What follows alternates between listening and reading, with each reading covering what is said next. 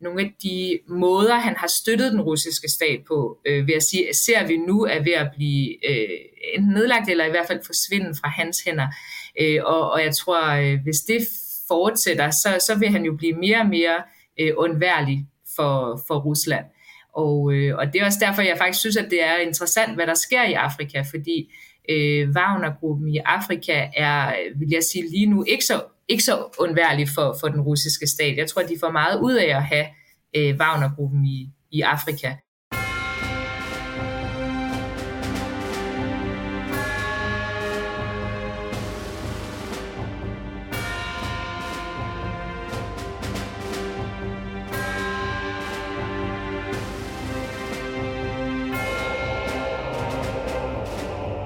Goddag og velkommen til endnu en udgave af Krigskunst podcast, hvor vi hver måned taler om et aktuelt militært eller sikkerhedspolitisk emne med skiftende eksperter.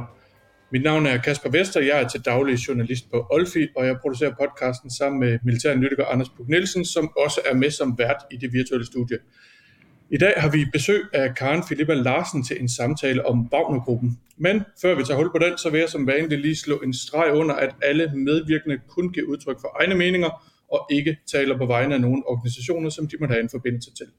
Og med den formelle ud af verden, så skal vi have en lidt nærmere præsentation af emner og gæster, Anders. Ja, det skal vi nemlig.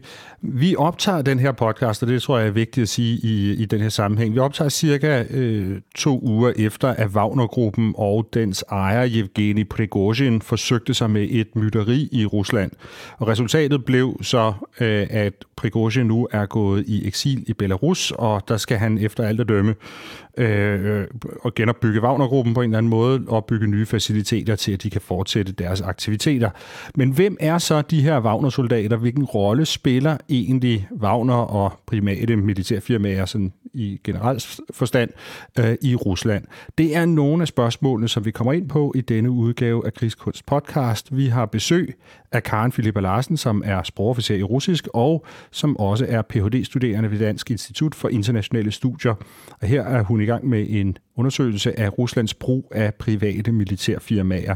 Og det er vist ikke nogen overdrivelse at sige, at det har udviklet sig ganske dramatisk i forbindelse med krigen i Ukraine, så der er ganske masser at tale om. Karen Filippa Larsen, velkommen til Krigskunst podcast. Mange tak. Karen, før vi dykker ned i, i øh, de mest aktuelle øh, udviklinger, og sådan dykker ned i, hvad, hvad Wagner-gruppen er for en størrelse, øh, kan du så ikke starte med måske at fortælle lidt om din forskning og din professionelle interesse i Wagner-gruppen, som mange familier har hørt om nu? Jo, selvfølgelig. Altså, jeg startede øh, mit projekt for øh, nogle år tilbage nu, øh, øh, i allerede 2020, og, øh, og der var det primært, øh, min interesse var Wagnergruppen i Afrika. Øh, der havde vi ikke rigtig, der havde vi jo ikke øh, set, øh, der var krigen jo ikke startet, og på den måde var de, havde de ikke været øh, i Ukraine øh, i, den, i den her anden omgang. Øh, og, øh, og det, jeg synes var rigtig interessant ved, øh, ved øh, Wagnergruppen og andre øh, private militære virksomheder øh, i Afrika var den, eller er den måde, som de øh, bliver brugt som også som politisk aktør. Det kan vi måske også snakke lidt videre om senere, men det var i hvert fald det, der øh, altså sådan i første omgang ligesom øh, interesserede mig, hvordan øh, selvom de jo har det her store øh, militære komponent, eller den her militære del, så er de altså blevet brugt ret øh, strategisk eller sådan politisk af, af Rusland, og det, var ligesom, det er ligesom det, jeg øh, har undersøgt. Øh, og så er det jo øh, har det jo ændret sig virkelig meget, siden jeg startede, og særligt her øh, det, det seneste øh, lidt mere end et års tid efter, efter Rusland startede krigen i, i Ukraine. Øh, både Wagner-gruppen øh, har ændret sig virkelig meget, den måde de bliver brugt på har ændret sig, øh, men så også øh, altså det her øh, fokus på Wagner-gruppen og kendskab til Wagner-gruppen. Øh, tidligere inden... Øh, inden øh, krigen i Ukraine, når jeg fortalte folk, at jeg forskede i, øh, i Wagner-gruppen, så, så var de fleste sådan lidt, du ved, blev lidt blanke i blikket og, og var ikke sådan helt med på, hvad det er. Og det er altså ændret sig nu. Det er altså langt de fleste, der godt ved, hvad Wagner-gruppen er nu. Ja, det, det, det kan jeg forestille mig. Hvordan har det været for dig sådan rent personligt at, at overvære det, der er foregået hen over den, øh, den seneste uges tid, hvor man kan sige, eller de, de, seneste de, øh, par uger her, hvor øh, Wagner-gruppen så har lavet et mytteri, og lige pludselig så så ud til måske helt at forsvinde. Altså, altså, hvordan er det at lave et Ph.D.-projekt, hvor man tror, man skriver om noget, der er sådan aktuelt, og lige pludselig så sidder, så sidder man og kigger på noget, der holder, op, holder det her op med at eksistere. Hvad er det, der foregår? Ja, Jamen, det har selvfølgelig været, øh, altså, øh, altså fuldstændig udover, at det jo selvfølgelig er ekstremt tragisk, øh, det der sker i, i Ukraine i det hele taget, så lige de sidste to uger øh, har jo været ret interessante at følge, og som, og som du siger, så også ret spændende på øh, sådan fremtidsvejen. Altså, hvad, hvad sker der egentlig med det her øh, fænomen, vil jeg næsten kalde det, som jeg nu har brugt ret lang tid på at, at prøve at studere. Så det har selvfølgelig været, øh, været virkelig... Øh, Jamen det kan være, at vi måske i virkeligheden skal tage det næste naturlige øh, spørgsmål, fordi øh, som du selv siger, eller som du selv er inde på, så har de fleste nok en idé om, hvad Wagner er. Altså man kan dårligt have set nyheder det seneste halvandet år, uden at have fået en eller anden forestilling om, hvad Wagner-gruppen er for en størrelse. Kan du ikke prøve at forklare, hvad Wagner-gruppen er i dag? Og du nævner også det her med, at de har ændret sig. Altså, hvordan startede Wagner-gruppen? Hvordan har dens udvikling været, og hvad er det for en udgave af Wagner-gruppen, vi ser i dag? Mm. Jo, altså Wagner-gruppen er jo den her øh, private militær virksomhed, og, øh, eller PMC, som vi kalder den. Og, øh, og ærligt talt, så kalder vi den alle sammen nok mest en PMC, fordi vi ikke rigtig ved, hvad vi ellers skal kalde den, og fordi det er det, de kalder sig selv. Øh, og det er også sådan, de bliver omtalt øh, i russiske medier. Øh, men det her med, at det, det er sådan en privat militær virksomhed, det, det, det skal man tage lidt med en grænsalt, som de fleste efterhånden nok også er klar over, fordi de har så tætte bånd til, øh, til den russiske politiske elite. Øh, og det er øh, altså blandt andet det her med, hvad er egentlig Wagner-gruppen? Det, det er også noget af det, jeg prøver at kigge på i min forskning. Hvordan, hvordan kan vi egentlig tale om en, en øh, øh, ny ny form for privat militær øh, virksomhed, som har de her tætte forbindelser øh, til staten, og som også agerer rigtig mange steder på vegne af staten.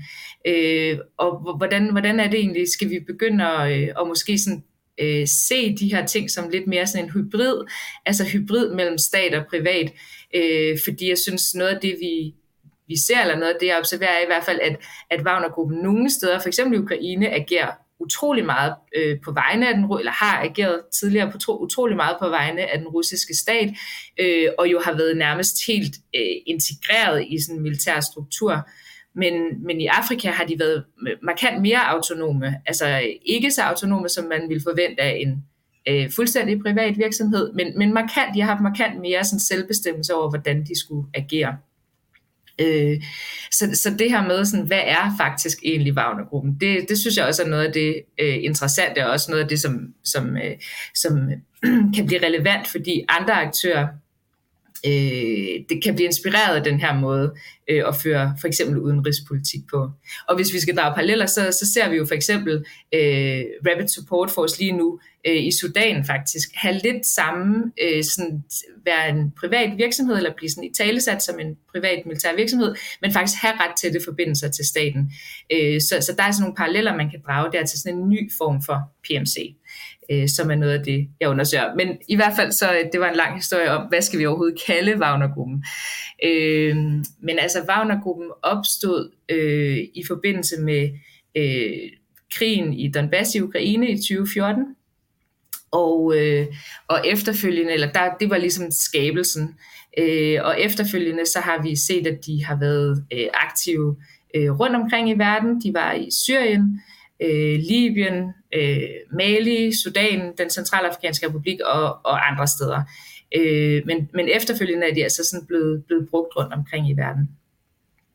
Og øh, øh, ja, jeg ved ikke, altså den måde, de ligesom har blevet brugt på rundt omkring i verden, er jo meget sådan, at de, øh, de deployerer det her militær, den her den militære komponent, og hvis vi, vi kan bare sådan tage udgangspunkt i den centralafrikanske republik måske, fordi det virkelig er der, hvor de har øh, altså, er mest sådan veletableret, kan man sige, uden for, uden for Rusland og Ukraine.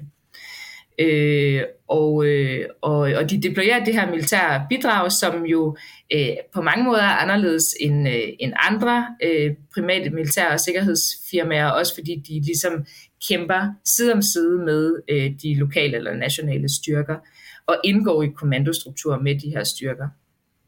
Øh, men, men noget af det, de så også kan og også gør, noget af det, der gør dem også meget anderledes, er, at de øh, også kan lave informationsoperationer og gøre det også i den centrale afrikanske republik. Og de også for eksempel øh, hvad hedder det, bidrager med politiske rådgivere til øh, den siddende regering i den centrale afrikanske republik for eksempel. Så det er i virkeligheden sådan en, en komplet pakke på en eller anden måde, de, øh, de kan tilbyde, øh, hvis man er øh, diktator et eller andet sted. Uh, så, ja. ja, så, så de, de, og er det rigtigt forstået, at en af de ting, der også gør Wagner-gruppen uh, specielt, det er den måde, man kan aflønne dem på, hvis man er den her diktator, at der er noget med, at man ikke som sådan nødvendigvis behøver at have penge op i lommen med det samme, men man kan øh, aflønne dem med at at give øh, øh, aktieandele i forskellige guldminer og sådan noget ting, som sådan ligesom giver nogle afkast længere ned ad vejen og sådan noget. Ja, absolut. Altså det er i hvert fald også noget af det, vi helt tydeligvis har set, at de steder, hvor øh, Wagnergruppen øh, har været, eller er aktiv, eller har forsøgt at rykke ind, altså der, øh, der, der prøver de at etablere, eller og mange steder lykkes med at etablere øh, naturressourceudvindinger.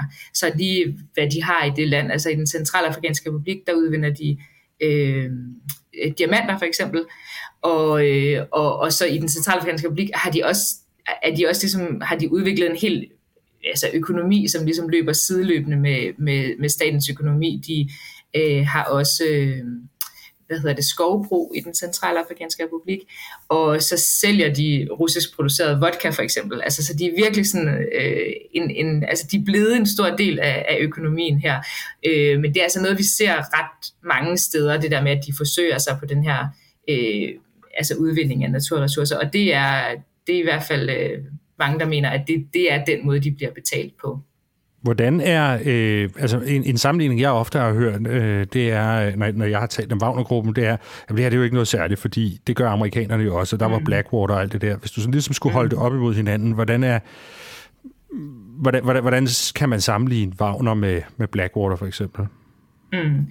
Ja, altså jeg synes, det er en god pointe, det der med også at, altså, også at kigge lidt på, hvordan har vi selv brugt, eller vi, nu siger vi, altså hvordan har Vesten brugt deres private militær øh, og sikkerhedsvirksomheder rundt omkring i verden, fordi der er også mange man kan være meget kritisk over for det også faktisk. Øh, men jeg vil dog sige, at der er nogle forskelle. Altså for eksempel så, øh, altså jeg er ikke bekendt med, at nogen sådan vestlig PMC for eksempel har taget sig betaling på den her måde så systematisk øh, i, med naturressourcer øh, at det bliver sådan brugt som sådan øh, den systematiske måde at gøre det på. Der er faktisk øh, nogle tilfælde tidligere, øh, men, øh, men, men ikke at det sådan har været den måde, man ligesom gjorde det på. Og så tror jeg, at Wagner er anderledes, eller jeg vil mene, at Wagner var anderledes også på den måde, de har adgang til øh, russisk øh, logistik og materiel, for eksempel. Altså vi så i Libyen, at, øh, at de på et tidspunkt havde øh, jægerfly med øh, og piloter. Og, og det, altså jægerfly kræver jo faktisk en hel del logistik og mekanikere og piloter og alle de her ting. Og, øh, og det, det har jeg, altså mig bekendt er der heller ikke rigtig nogen andre private militære virksomheder, som på den måde har kunne trække på deres sådan, hjemmestats øh, øh, materiel og, og logistik også. Måske er du i virkeligheden ved at svare på, på det, der skulle være mit næste spørgsmål, fordi det er nemlig de her aktiviteter, Wagner-gruppen foretager sig i, i Afrika, er de sanktioneret af den russiske stat, eller er tingene i virkeligheden adskilt? Altså der er ingen tvivl om, at de er tæt forbundet i Ukraine. Mm. Øh, det er jo helt tydeligt, men, men alt det, der foregår i Afrika, hvor meget har den russiske stat med det at gøre, og hvor meget er, er, er et rent Wagner-foretagende? Mm.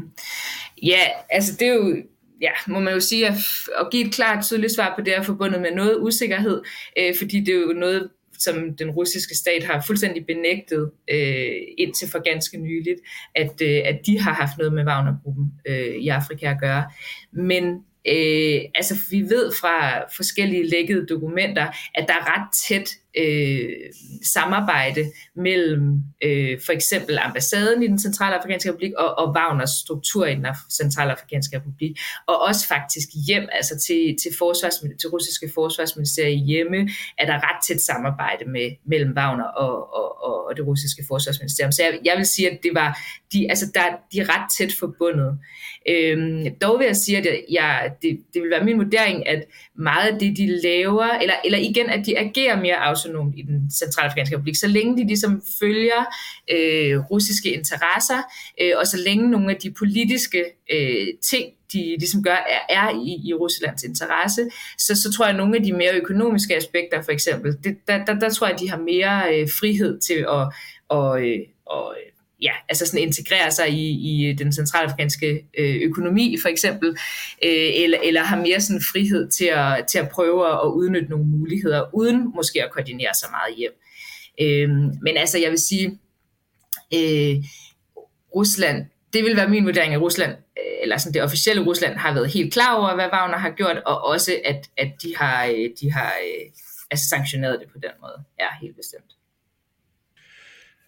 Jeg kunne måske egentlig også godt tænke mig at vide, at der har været en del spekulation, sådan når man har fulgt med i, i, i dagspressen og medierne herhjemme, om hvor stor Wagner-gruppen i det hele taget er. Øh, altså, hvor stor en PMC er Wagner-gruppen? Øh, de, de er aktive mange forskellige steder på flere kontinenter. Altså, det må jo trods alt kræve nogle ressourcer og en del tusind mand. Altså, kan man sige noget om det med sikkerhed? Nej, det, det tror jeg ikke, man kan med sikkerhed. Eller jeg kan ikke sige noget om det med sikkerhed i hvert fald. Øh, men jeg vil sige, hvis man ligesom tager øh, Wagner-gruppen i Ukraine fra, øh, og så prøver at se på, øh, hvor mange øh, soldater har Wagner-gruppen ellers haft deployeret rundt omkring i verden. Lad os lige spole tiden tilbage til før Ukraine-krigen, og så prøve at kigge på Wagner der.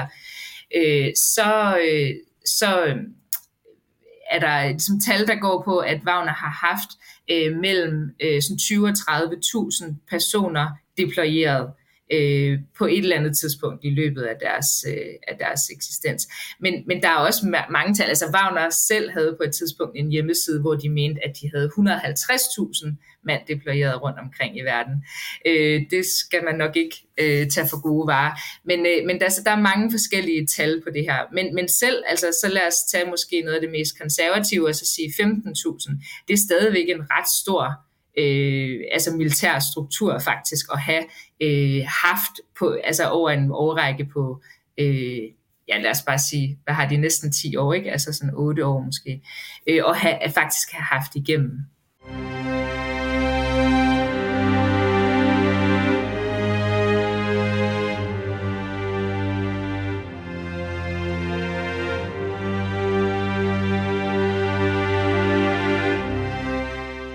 Hvis vi prøver at, øh, at tage udgangspunkt i den russiske stat, nu har vi talt meget om Wagner, hvis vi tager udgangspunkt i den russiske stat, hvordan ser de på de her øh, private militærfirmaer og, øh, og Wagner? Øhm, og det er jo også noget, der har udviklet sig over tid, ikke? Men altså, mm. hvordan, hvordan, hvordan ser det ligesom ud, hvis man kigger fra, fra hvad de gerne vil opnå med det? Mm.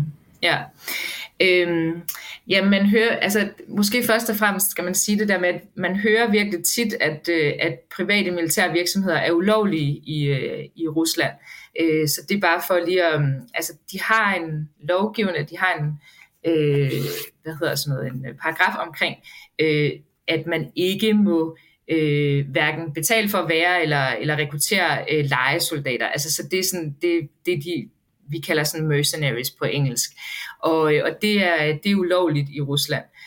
Og, øh, og hvis man sådan kigger på, hvordan private militærvirksomheder er blevet øh, altså sådan i talesat i Rusland over en periode på, på 10 år, øh, så, så er de faktisk gået fra at blive meget associeret med det her begreb øh, mercenaries, eller sådan øh, najumniki, som det hedder på, på russisk, altså, øh, og, og, og private militære virksomheder er blevet set som øh, øh, hvad hedder det, legesoldater, men det er faktisk ændret sig lidt de seneste år, så de bliver i højere og højere, højere grad talt om som sådan legitime virksomheder øh, og legitime, med, med, med legitime interesser og jeg ved ikke, om I kan huske, men øh, Shaigu, øh, nej undskyld, øh, Lavrov, øh, da Mali underskrev kontrakt med, øh, med Wagner-gruppen i september 2021, tror jeg det var, øh, der var han faktisk for første gang ude at sige, at de har underskrevet kontrakt med en fuldstændig legitim privat militær virksomhed i Rusland, øh, og som, som har et helt legitimt formål øh, i, i landet. Øh, så, så, så det er bare for at sige, at, at de er blevet sådan i højere og højere grad øh, har der været den her proces af, at de er blevet legitimeret. Øh, rent juridisk er de stadigvæk øh, ulovlige, men, øh, men, øh, men øh, i den måde, man taler om dem på, der har de, altså, der har de altså ændret lidt karakter. Øh, og det er egentlig lidt vigtigt, fordi at, øh, at øh, de er jo gået fra sådan øh, og, og, at være i talsat som fuldstændig ulovlige, og derfor har det også været svært for Rusland at øh, øh, altså, øh, tage, tage ansvar for, eller sådan tage, tage øh, øh, altså sådan, øh, claime de her øh, udenrigspolitiske succeser, som Wagner faktisk har opnået rundt omkring i verden. Øh, og, og i takt med, at de så er blevet i talsat mere og mere legitimt, så, kan, så har den russiske stat så også faktisk meget bedre at kunne ligesom sole sig lidt i det, Wagner har gjort. For eksempel i Mali, da øh, Wagner ligesom, øh, og Rusland trådte ind som partner, og, og efterfølgende så blev forholdet til, til Frankrig og mange europæiske lande så dårligt, at de blev nødt til at trække sig. Øh, og det, er jo, det, det kan, har man så kunne tale om øh, som en succes faktisk, selvom det er Wagner, der har gjort det, fordi man sådan har i højere og højere grad ser dem som legitime. Så, så det øh, vil jeg sige, det, det den russiske stat har ville og gerne ville opnå med at have en øh, privat øh, militær virksomhed, som de fuldstændig lægger afstand til, det, det er at have sådan et armslængde princip til en militær enhed og politisk enhed også i virkeligheden, som har kunne agere på vegne af den russiske stat. Så de har opnået det her, øh, altså den her sådan, øh, øh plausible benægtelse øh, omkring, hvad Wagner-gruppen lavede øh, rundt omkring i verden, samtidig med, at de faktisk har kunne føre en vis grad, øh, hvad de har skulle gøre. Findes der andre end Wagner-gruppen? Altså nu fylder de øh, rigtig meget i den, i den offentlige samtale om de her PMC'er. Vi skal måske lige sige til forudsætningsløse lytter, at det står for Private Military Contractor.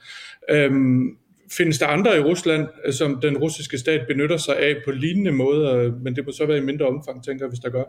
Mm, ja, altså øh, ja, det, det gør der jo faktisk, og tidligere inden, øh, inden krigen i Ukraine, der, der så vi også øh, øh, nogle andre øh, private militær- og sikkerhedsfirmaer agere rundt omkring i verden, øh, men ikke mig bekendt sådan helt på samme måde som Wagner.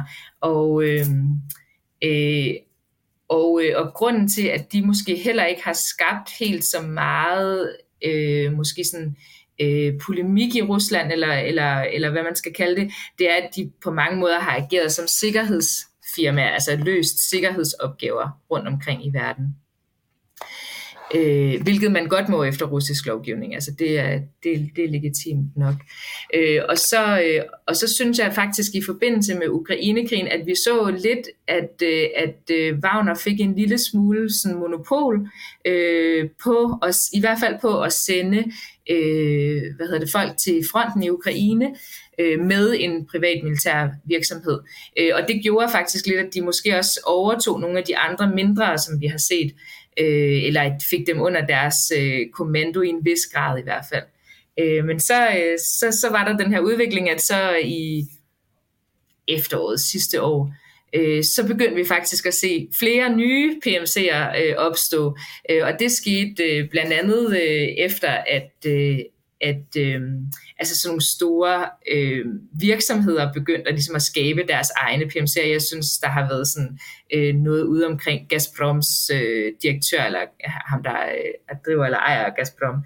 Øh, øh, øh, som, som ligesom har, har skabt en, en PMC og, og for at sende folk til fronten. Og øh, Shaigu har efter sine også skabt sin egen øh, PMC, som har konkurreret med Wagner-gruppen ved fronten. Så, så vi har ligesom set den her opblomstring igen øh, i forbindelse med krigen i Ukraine, hvilket nok også handler noget om, at at øh, de, de er blevet set som en måde at rekruttere soldater til fronten i Ukraine og stadigvæk undgå den her store øh, Øh, mobilisering, som det officielle Rusland gerne har vil undgå, øh, så, så tror jeg, at de har øh, forsøgt det her som en måde at øh, rekruttere forskellige steder fra, øh, for, for stadigvæk at få, få hvad hedder det, personel nok til fronten, eller soldater nok til fronten. Du kommer lidt ind på det her, ikke? Altså, hvad er det for en rolle, så Wagner, hvis vi nu prøver at springe frem til Ukrainekrigen, hvad er det for en rolle, som, øh, som, som Wagner har spillet der? Fordi den er jo meget anderledes, må vi sige, end den rolle, de har spillet i, øh, i, i Afrika. Ja, Ja, absolut. Ja, altså som jeg også sagde før, så de har jo på den måde kæmpet side om side med de russiske styrker og har øh, til en vis grad også været integreret i det her kommandoforhold øh, og har jo været en del af den sådan samlede indsats på den måde. Øh, men det Wagner har gjort og har kunnet gøre, øh, det er faktisk, og, øh, og i stor grad tror jeg, at det, der har været værdifuldt for Rusland ved dem, har, at de har kunne stå for den her øh, skyggerekruttering, hvis man kan kalde dem det. Altså vi så, at, øh, at øh, allerede tidligt på, øh, på året sidste år, at de begyndte at rekruttere, og de kan rekruttere øh, de, jeg vil nok mene, at de nok kan rekruttere en lidt anden type øh, end, øh, end på det tidspunkt den russiske, det russiske øh, almindelige forsvar kunne. Øh, fordi de har sådan ret stor appel blandt øh, sådan meget øh, højere nationalistiske øh, grupperinger. Øh, og så begyndte vi jo at se i sommer de, de her rekrutteringer i fængslerne. Altså, så det er virkelig der, hvor de har spillet en stor rolle, fordi de har rekrut, kunne rekruttere øh, soldat, eller undskyld, de har rekrutteret, kunne rekruttere fanger i fængslerne til at komme ud og, og kæmpe ved, ved fronten.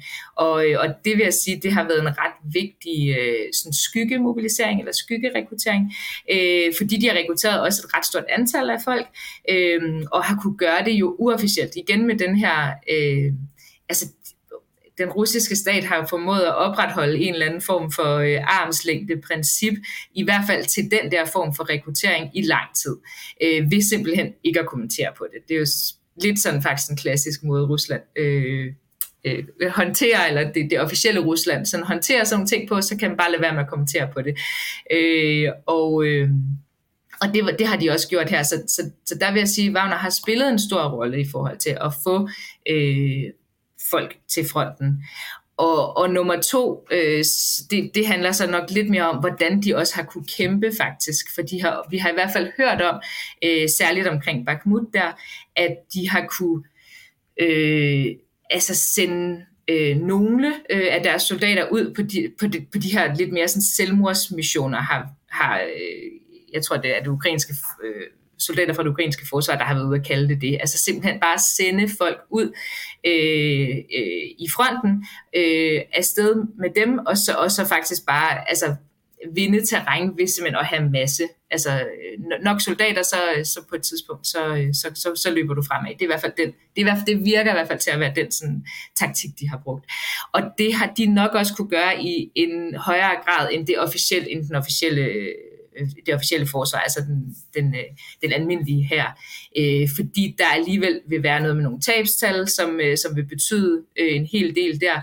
Øh, og også den måde, man, man, øh, man, man har kæmpet på, har, har formentlig været ret anderledes her. Ja.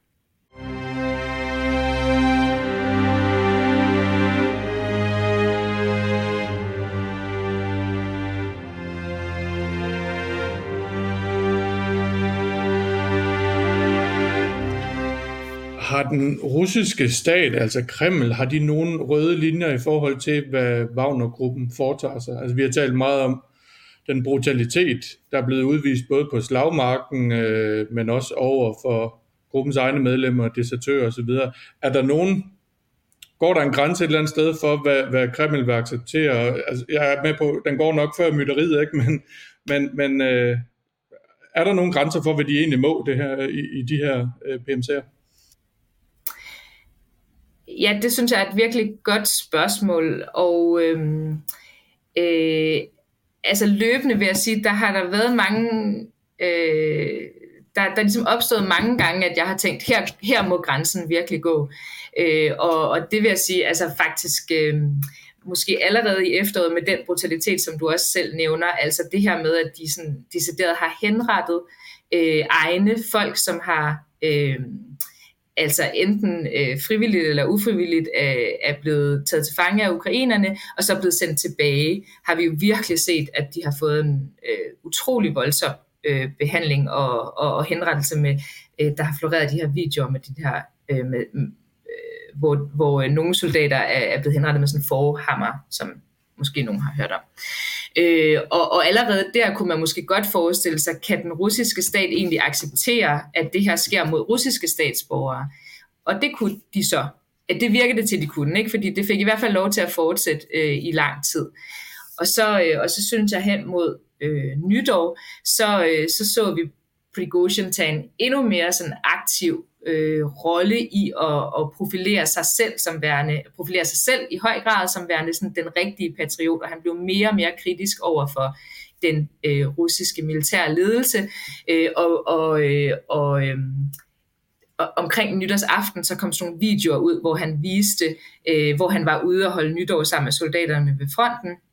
Og samtidig så kom øh, Putins sådan nytårs øh, tale, hvor han stod sammen med nogle soldater, og der kom det ret hurtigt frem, eller det begyndte i hvert fald, og folk begyndte at sådan tale om, at de her soldater, det var skuespillere, fordi Putin i virkeligheden slet ikke ville komme nær nogen øh, rigtige soldater. Øh, og, og, og altså den der måde sådan, og hele tiden øh, øh, altså øh, næsten sådan konstruere sig selv op imod en øh, russisk øh, politik, politisk og, og militær ledelse, øh, hvor at øh, Prigozhin virkelig har i tale sat sig selv og Wagner som de rigtige patrioter, dem der kæmper ude fronten, dem der tager tabene, og, og, og den øh, russiske øh, militær og politiske ledelse, som siddende i øh, bløde sofaer i Moskva, og deres børn bliver ikke engang mobiliseret og sådan noget. Og, og omkring den her tid, omkring nytår, der tænkte jeg også, okay, det, det, det kan de ikke acceptere. Altså den, den måde sådan at gå direkte efter den, øh, den militære ledelse, øh, kan de ikke, kommer de ikke til at kunne, kunne acceptere. Det er en rød linje. Men det fik jo så alligevel faktisk lov til at køre ret lang tid. Øh, der var forsøg på at, at lægge en dæmper på Wagner, øh, synes jeg, vi så over vinteren. Altså, øh, øh, blandt andet florerede der øh, øh, hvad hedder, sådan nogle dokumenter omkring, at, øh, at de russiske øh, de russiske pro-Kreml-medier øh, var blevet bedt om ikke at tale om Wagners succeser og ikke, tale, og ikke sådan nævne Wagners succeser. Øh, så der har været sådan forskellige forsøg på at, at, at lægge en dæmper på. Måske er noget af det polemik, der har været omkring ammunition, også et forsøg på at lægge en dæmper på Wagner, altså give dem mindre ammunition, eller måske fratage dem en eller anden status som værende helt særlig i, i den her struktur. Og, men, men altså, så, så, så når det er bare for at sige, de her røde linjer, de har rykket sig, synes jeg, øh, eller, eller, eller de har ikke været der, hvor jeg ville have forestillet mig, de var. Øh, men det kan også godt være noget af det, som så har bygget op til, at nu, nu, øh, nu er man så i hvert fald virkelig nødt til at gå ind, fordi Prigozhin har jo så, er jo så blevet stigende mere og mere kritisk over for den øh, hvad hedder det, militære øh, elite, eller den militære sådan, ledelse i, øh, i, øh, i Rusland, og, og, og har virkelig kommet med, med nogle øh, altså ret vilde, ret kritiske udtalelser omkring dem løbende.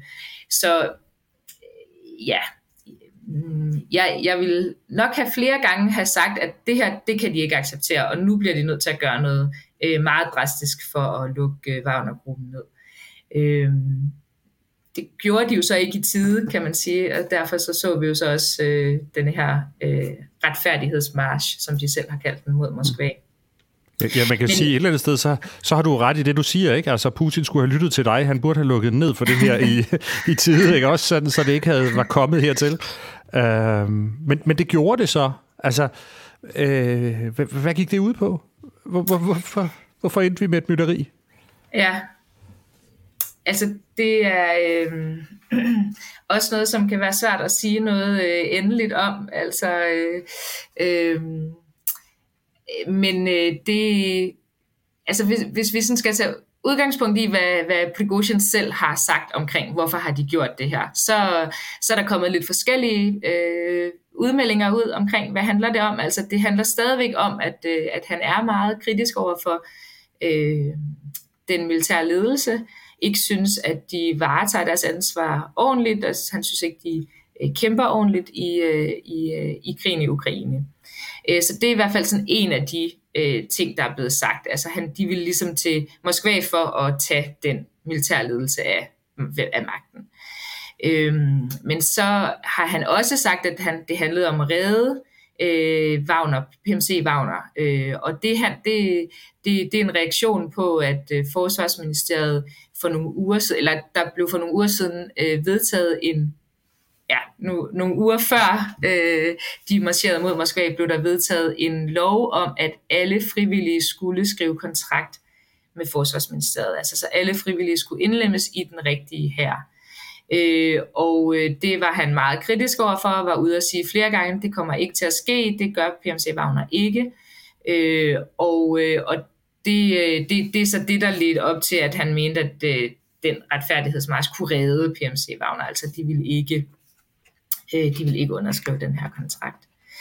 Øh, men altså, hvad, hvad handler det... Øh, hvad handler det egentlig om? Altså, det synes jeg kan være, øh, øh, eller det er svært at sige, og det, det, jeg tror også, der er en, en lille bitte del af det, og det lyder jo måske lidt åndssvagt, men der er måske også en lille bitte del af det, som handler om, at nu har den her konflikt kørt i virkelig lang tid, og han har postet utrolig mange kritiske videoer på sin telegram.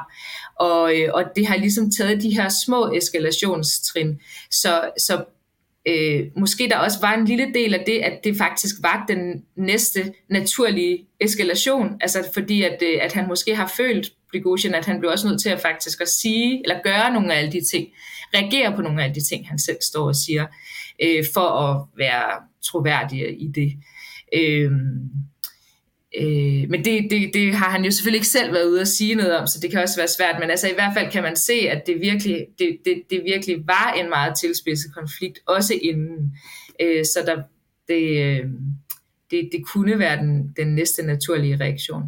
Men, men en væsentlig pointe, tror jeg også at, øh, at have med, øh, det er vel også, at det her med, at der er en konkurrencesituation imellem sådan en gruppe som, som Wagner-gruppen og Forsvarsministeriet, det faktisk er en, en fuldstændig normal måde, øh, øh, i, altså det er fuldstændig normalt i forhold til den måde, Putin driver sit system på, ikke? Altså, mm. øh, og at ja. et eller andet sted, så det der med at holde ild i sådan en konflikt, det faktisk er øh, noget, som, som, som Putin nok har syntes egentlig var meget fint. Mm. Lige indtil det så øh, kammede over et eller andet sted, ikke?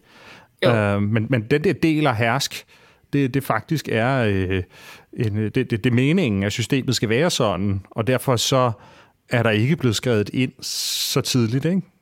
Det, det tror jeg er fuldstændig rigtigt. Altså det, det, det, det ser vi jo også med, mellem øh, altså Forsvarsministeriets styrker, men også de andre sikkerhedsstrukturer, der ligesom er i Rusland. Så det, der, der, der er også den her konkurrence, og der er også sådan, den, det her del af hersk princip øh, regerer virkelig også der. Så det, det tror jeg er fuldstændig rigtigt øh, at det har, det har været i hans øh, interesse langt hen ad vejen, øh, øh, indtil det så virkelig ikke var det mere, vil jeg sige. Ja.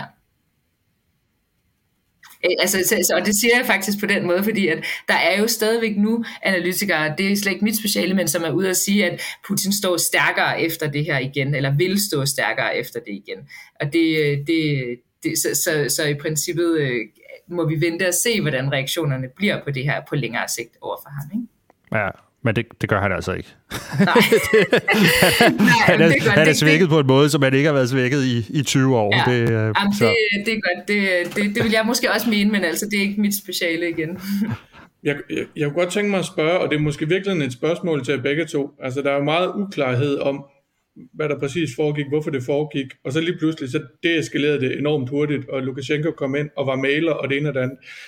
Har I noget bud på, hvorfor Prigozhin, til synlædende i hvert fald, fik, fik kolde fødder lige pludselig, og så bare afblæste øh, hele pivetøjet? Ja, jeg, jeg kunne, jeg, mit bud vil være, at han stod i en situation, hvor han godt kunne se, at øh, hvis det her det kommer til en eller anden form for væbnet øh, konflikt, altså hvis, hvis, øh, hvis, hvis vi bliver besvaret øh, øh, med, med våben, så vinder vi ikke. Øh, jeg forestiller mig, at han havde håbet på mere opbakning øh, fra øh, forskellige øh, altså dele af det russiske forsvar, for det officielle Rusland i hvert fald, øh, og ikke fik det. Og så, øh, og så, så kunne jeg forestille mig, at, at der har været en situation, hvor han har godt indset, at øh, vi kommer ikke til at vinde det her, hvis vi skal kæmpe. Øh, og, øh, og, og, så, og så ved vi jo heller ikke sådan helt, hvad den her aftale den har indebæret, eller, eller, øh, hvad der ligesom var øh, indebåret, hvad der var en del af den aftale. Det kan også godt være, at han har fået, øh, altså ud fra den position, han stod i, der har fået nogle ting, han gerne ville, ville have. Øh, og, og, og på den måde har synes, at det har været det mere, det mere lukrativt for ham selv at, at gøre. Jeg ved ikke, om Anders, du har nogle andre bud på... Nej, altså jeg tror, øh, noget af det, jeg tænker, det kan godt være, at han har haft det her, den her forhåbning om, at øh, det her det ville øh, blive en succes. Altså der er nogen, der vil slutte sig til ham. Altså øh, øh, øh, nogle af dem, der arbejder i Forsvarsministeriet, nogle af de her generaler og sådan noget, som på en eller anden måde ville gå ud og, og bakke op om projektet, og det så kunne få øh, nogle af de væbnede styrker til også at vende sig mod Putins styrelse. Jeg ved ikke, om han har haft sådan en idé om, at det kunne, øh, kunne lade sig gøre, men det jeg tænker, det er som minimum, så, så må han have tænkt en eller anden plan B igennem. Altså, og, det, og det er jo det, jeg lidt sådan øh, øh, overvejer lidt, i hvor høj grad var den her nødløsning med at øh, ende op i Belarus øh, i virkeligheden noget, der på en eller anden måde lå, lå klar på forhånd. Øh, altså jeg synes, det var en enormt veleksekveret øh, operation. Hele, hele det kup-forsøg, øh, eller bytteriet, eller hvad vi kalder det, øh, hvad det var. Øh, lige indtil det så, øh, så stoppede. Og jeg kan ikke lade være med at tænke, at der måske netop har ligget også en plan for, hvordan det her det kan stoppe. Det kan gå enten den ene vej eller den anden vej. Øh, hvis det er, at man begynder at tænke på den måde, så begynder det jo at være en lille smule interessant, ikke? Og så sige, okay, hvad, hvad, hvad, hvad var så egentlig Lukashenkos rolle i det her? Hvordan var det, at han lige pludselig kom ind fra sidelinjen og, øh, og tilbød nogle kaserner i Belarus og, og et eksil der?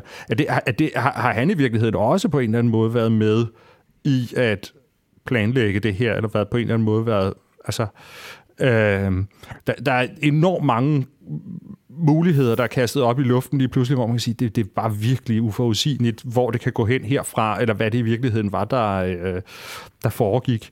Øh, men det er jo også en af grundene til, at, at jeg og, og, og Karl her begge så siger, at det her, det stiller Putin i en svækket position, ikke? fordi lige pludselig så det der øh, aura af, at, at øh, Putins magtbase var bundsolid, altså den er på en eller anden måde rystet. Ikke? Mm. Altså, øh, og nu, nu sidder vi lige pludselig og overvejer, om Uh, hvilke generaler var i virkeligheden imod Putin? Uh, var Lukashenko i virkeligheden imod Putin? Er han stadigvæk?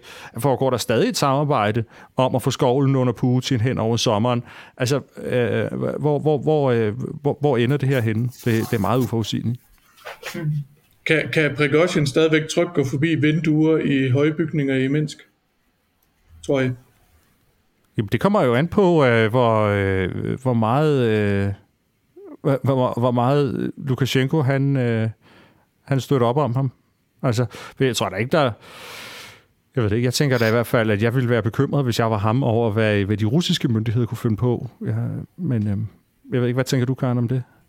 Ja, men det er, er jeg enig med dig i. Altså, øh, jeg synes, at øh, måske, måske vil jeg sige, at lige nu, altså lige nu, så kan han måske nok gå forbi øh, vinduer øh, og føle sig sådan okay øh, sikker, fordi han øh, på mange måder øh, altså han er jo meget mere end Wagner, og det er jo også det. Altså han har jo også øh, øh alle mulige andre virksomheder, som har tætte forbindelser til øh, det russiske forsvarsministerium, og så er der også hele Wagners del i Afrika. Så, så jeg vil sige lige nu, nogle af de strukturer, der er, som, som, hvor han faktisk udfører nogle, nogle øh, nogle opgaver på vegne af den russiske stat, øh, gør måske, at han er, er sikret sådan i det, på den korte bane. Men vi ser jo så også, at, øh, at han er ved at miste de her strukturer, altså øh, de her, han har, øh, han har øh, øh hvad hedder sådan noget, en kæmpe catering øh, virksomhed, som jo har, har leveret øh, øh, mad til blandt andet øh, russiske kaserner. Men, men den er ligesom ved at blive øh, taget fra ham, og de, de, øh, de øh, øh, kontrakter, han har haft der, er ligesom ved at blive annulleret. Øh, og, og det samme gælder hele hans store medie øh, gruppe, eller den her sådan øh, Patriot Media Group, øh, er, er også sådan som sådan ved at blive, ved at blive øh, nedlagt. Altså så, så nogle af de øh, nogle af de måder, han har støttet den russiske stat på, øh, ved at sige, ser vi nu er ved at blive øh, enten nedlagt, eller i hvert fald forsvinde fra hans hænder. Øh, og, og jeg tror, øh, hvis det fortsætter, så, så vil han jo blive mere og mere øh, undværlig for, for Rusland. Og, øh, og det er også derfor, jeg faktisk synes, at det er interessant, hvad der sker i Afrika, fordi øh, Wagner-gruppen i Afrika er, vil jeg sige lige nu, ikke så, ikke så undværlig for, for den russiske stat. Jeg tror, de får meget ud af at have øh, Wagner-gruppen i, i Afrika.